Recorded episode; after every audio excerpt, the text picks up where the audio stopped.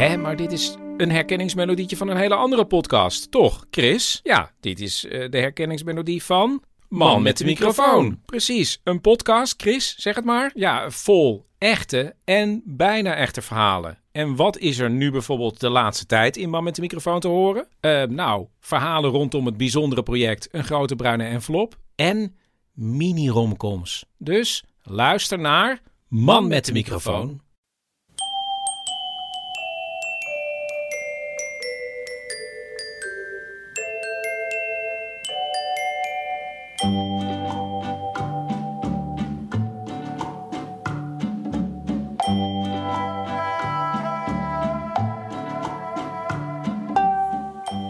Welkom bij aflevering 109 van de Echt Gebeurd podcast, waar waar gebeurde verhalen worden verteld door de mensen die het zelf hebben meegemaakt.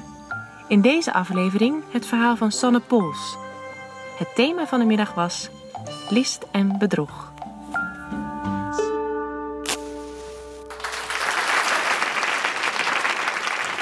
In um, april 2013 uh, was Poetin hier in Nederland. En wel om het Nederland-Ruslandjaar te vieren, samen met onze minister-president. Nou, niet iedereen was het daarmee eens, onder andere ik ook niet. Want uh, jullie weten het waarschijnlijk wel, de anti-homo-wet in Rusland. Dus er waren grote protesten bij het Scheepvaartmuseum, waar Poetin uit eten was met minister Rutte. En um, ik ging daar ook naartoe. Maar ik had een beetje een dubbele agenda, want Leonie die kwam ook. En Leonie was een meisje die ik heel erg leuk vond. En ik had haar al een paar keer gezien. En um, nou, het leek me ideaal om, uh, om het nuttige met het aangename te combineren. Dus um, aangekomen bij de protesten. Je moet weten, homoprotesten zijn eigenlijk altijd en heel erg protesterend en altijd ontzettend leuk feestje. Waarbij eigenlijk iedereen wel een drankje bij zich heeft en elkaar ontmoet en aan het flirten is. Dus uh, zo ook ik. Er was daar veel creativiteit. Uh, ik herinner me borden van, uh, van Poetin met lippenstift op en rouge en make-up en oogschaduw. Ze hadden het heel mooi gemaakt. Voor het Scheepvaartmuseum voer een boot voorbij van, van BNN, geloof ik. Met een heel grote opblaas phallus symbool en de slogan put in a penis. Uh, dat was een beetje de sfeer daar. Uh, veel drag queens die, die optraden, dus, uh, dus het was ook heel erg leuk. Belangrijk en leuk. Um, met Leonie was het ook heel leuk. En we hebben daar een paar uurtjes geprotesteerd en, en geflirt. En toen het rond acht uur ongeveer was afgelopen... toen wilden wij nog geen afscheid nemen van elkaar... en wilden wel een drankje gaan drinken. Dus we gingen naar de Zeedijk...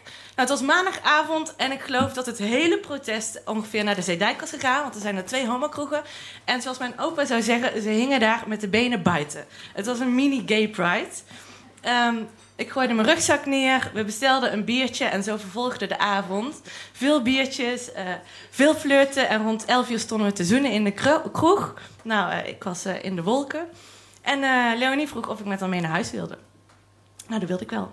Ik was uh, niet eerder bij haar thuis geweest, dus na een flinke fietstocht kwam ik bij haar aan. En ik wilde nog even op mijn telefoon kijken. En die was weg. Shit.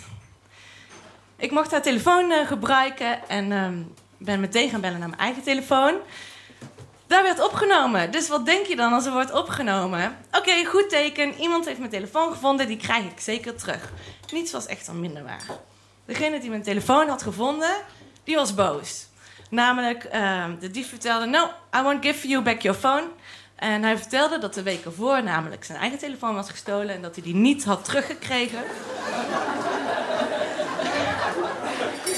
dus hij voelde zich hier heel prettig bij om zich te wreken. Nou, uh, de situatie, ik stond in een vreemde keuken, straalbezopen. Leonie zat op de bank met de kaarsjes aan. En ik probeerde maar in mijn Engels vol adrenaline uh, de dief te overtuigen om mijn telefoon terug te geven. Dus ik begon te vertellen dat de telefoon niks waard was. Wat zo was, het was een derdehands iPhone met een lelijke tijgerprint op de achterkant te vertellen dat foto's zo belangrijk zijn. Ik probeerde in te spelen op zijn gevoel, want hij moest immers weten hoe het voelde, want hij was boos. Nou, dat hielp allemaal niet. Uiteindelijk zei hij: Give me one good reason why I should give you back your phone. En toen kwam mijn laatste troef en dat was religie. En waarom ik religie inzette. Uh, je moet weten dat het mij altijd ontzettend heeft gefascineerd. En zowel persoonlijk, ik weet niet of ik gelovig ben, maar het, uh, het het is een onderdeel van me op enige manier, maar ook onderzoekend. Als meisje van zeven ging ik naar het Bijbelclubje in het katholieke Brabant, terwijl mijn ouders dat totaal niet ondersteunden trouwens. Uh, ik heb religie en levensbeschouwing gestudeerd hier in Amsterdam. Ik heb mijn master gedaan in Jeruzalem. Um, en mijn ex-vriendin is, uh, is nu predikante. Dus, um, are you religious? vroeg ik hem. Ja, zei hij. Yes, nu heb ik hem in de tang. Dus vol oprecht manipulerend ging ik door. Dan weet je wat het is, om wat het goed is om te doen als goed mens. En je kunt je foute daden omkeren. En wat gij niet wil dat u geschiet, doe dat ook een ander niet. Alles trok ik uit de kast om het zo maar te gebruiken. En uh, toen zei hij, yes, you're right. I will give you back your phone. Ik dacht, holy shit. Um, ik ging op een half uur later, ik keek naar rechts. Nou, er was wel meer misgegaan die avond. Leonie was ondertussen in slaap gevallen. Die spanning was allemaal weg. Uh, ik bleef wel slapen, maar dat bleef het dan ook bij. En um, ik stuurde nog een vlammende sms naar de dief. Met erin nog een keer: uh, God zal je vergeven. En alle manipulaties en dingen die ik kende, zette ik daarin. En dat het zo goed van hem was uh, dat hij zijn foute daden omkeerde. ik werd wakker s ochtends naast een briefje van Leonie. Die was al naar de werk. En haar telefoon. Dus ze was zo lief geweest die achter te laten. En dan kon ik de dief mee bellen. Nou, meteen, super brak overigens. Uh, helemaal niet meer zo vastberaden als de avond ervoor. Uh, belde ik de dief, die nam niet op. En uh, rond 11 uur stuurde hij een berichtje. I said I would give you back your phone. I promised let's meet in an hour at 12 o'clock at Dam Square in front of Kras Krasnopolski Hotel. Oké, oké. Oké, goed nieuws. En tegelijkertijd voelde ik me heel erg onzeker. Uh, ik wist niet waar ik was. Ik zocht de uitgang van het appartement en stond in de kamer van een huisgenoot van Leonie. Beneden bij mijn fiets had ik geen idee in welk stadsdeel ik was. Ik kon niemand bellen om mee te gaan. Um, maar goed, ik kwam erachter dat ik in West was. Zelf woon ik in Oost. Ik was er nog niet zo bekend mee, maar de Dam was prima te vinden. Zo groot is het niet. En uh, daar stond ik. Ik zie het nog helemaal voor me. Goed vasthoudend aan het stuur van mijn fiets. En het zweet kriebelde op mijn rug. En uh, dat was niet alleen van de zenuwen, maar ook van de kater, ben ik bang voor. Uh, Oké, wie zou het zijn? Voor me de Bijenkorf, daar het Krasnopolski Hotel en, uh, en links het monument op de Dam. Er kwam een man aanlopen met een zwarte zonnebril. Oké, dat is dus verdacht.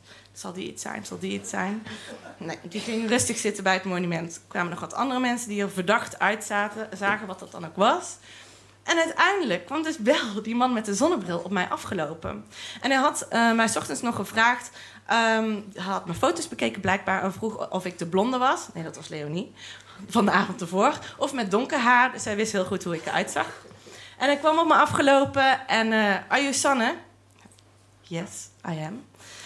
Hij stak zijn hand uit. Oké, give me your blessing.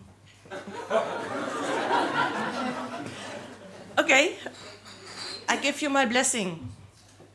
Ik dacht, ja, die telefoon moet ik terug hebben. Maar ik was ook heel erg verbouwereerd wat er gebeurde. En hij ging met zijn hand naar zijn broekzak en hij gaf mijn telefoon terug. En toen stond hij nog een keer. Oké, please give me one more time. Give me your blessing. En ik was al, die telefoon had ik al lang niet meer naar gekeken. En ik was eigenlijk zo verbouwereerd. Een stukje schaamte zat erin dat ik hem zo had overtuigd met zijn geloof. En tegelijkertijd vond ik het heel erg knap wat hij had gedaan. Dat hij werkelijk uh, een foute daad had omgedraaid. Dus ik was ook niet boos en ik gaf hem echt mijn blessing. En ik omhelsde de dief daar op de dam. En hij zei uh, dat hij me een heel fijn leven wenste. En ik wens hem dat ook. En hij liep weg. En daar stond ik. Oh ja, die telefoon had ik. Oké. Ik heb een uur lang rondjes gelopen in Amsterdam, totaal verdwaasd. Daarna kwam ik erachter dat Leonie al honderd keer had gebeld. Die dacht al lang dat ik ontvoerd was. Nou, dat was niet zo. Met Leonie is alles ook goed afgelopen. Die zit daar, daar woon ik nu mee samen.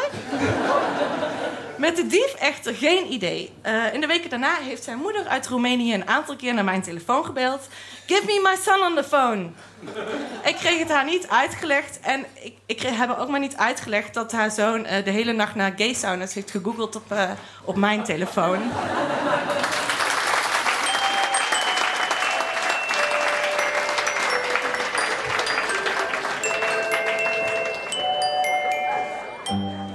Dat was het verhaal van Sanne Pols. Echt gebeurd wordt iedere derde zondag van de maand, opgenomen in Toomler onder het Hilton Hotel in Amsterdam. Heb je zelf een bijzonder verhaal te vertellen of wil je er gewoon een keertje bij zijn? Ga dan naar www.echtgebeurd.net. Je kunt je daar ook inschrijven voor onze nieuwsbrief. Echt Gebeurd komt tot stand met het steun van het Mediafonds, Comedy Train en Bunker Theaterzaken. De redactie van Echt Gebeurd bestaat uit Paulien Cornelissen, Micha Wertheim, Eva Maria Staal en ikzelf, Rosa van Toledo. De techniek is in handen van Nicolaas Vrijman. De volgende Echt gebeurt is op zondag 20 december. Het thema van de middag is Aan tafel. Bedankt voor het luisteren en vergeet niet. Ding, ding, ding, ding, ding, ding, ding, ding. Vrolijke kerstdagen.